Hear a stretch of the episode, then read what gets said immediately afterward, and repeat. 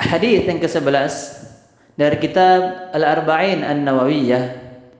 An Nabi Muhammad Al-Hasan ibn Ali ibn Abi Talib sibti Rasulullah sallallahu alaihi wasallam wa raihanatih radhiyallahu taala anhuma qala hafiztu min Rasulillah sallallahu alaihi wasallam da' ma yaribuka ila ma la yaribuka rawahu Tirmizi wan Nasa'i. Wa qala Tirmizi hadis hasan sahih.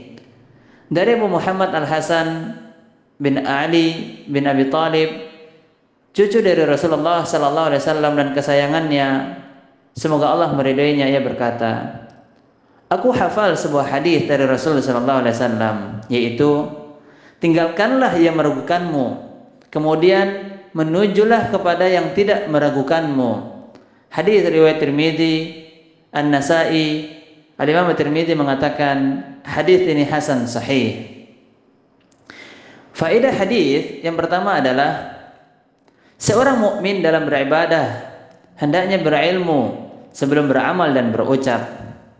Faedah yang kedua, seorang muslim di dalam beribadah kepada Allah tabaraka wa taala hendaknya jelas baginya suatu perkara. Apakah itu adalah yang Allah halalkan atau yang Allah haramkan? Faedah yang ketiga, jika terdapat keraguan dalam hati untuk mengamalkan suatu amalan, dikarenakan belum jelas status amalan tersebut, apakah halal atau haram, maka wajib ditinggalkan. Karena amalan tersebut yang belum jelas status hukumnya adalah syubhat yang dapat menjerumuskan pelakunya di dalam perkara yang haram. Faedah yang keempat, termaksud sifat wara' sifat yang terpuji yang dimiliki oleh seorang muslim adalah meninggalkan perkara syubhat, perkara yang belum jelas baginya status hukumnya. Faedah yang kelima, sesuatu yang halal dan jelas hukumnya tidak akan menimbulkan keraguan dalam hati seorang mukmin, bahkan akan melahirkan ketenangan dan kebahagiaan.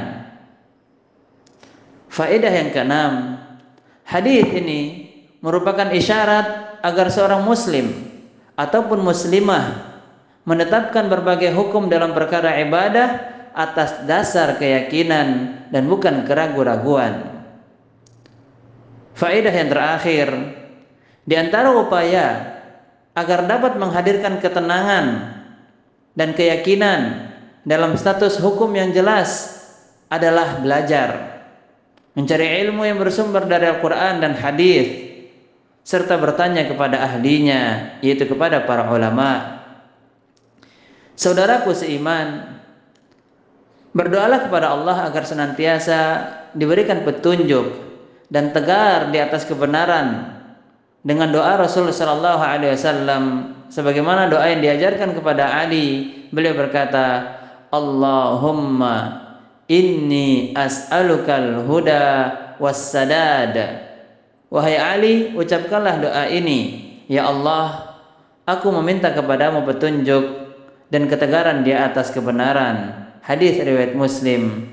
Semoga Allah Subhanahu wa taala senantiasa membimbing kita di atas hidayahnya. Semoga Allah Subhanahu wa taala senantiasa memberikan ketegaran kepada kita di atas yang benar. Barakallahu fiikum.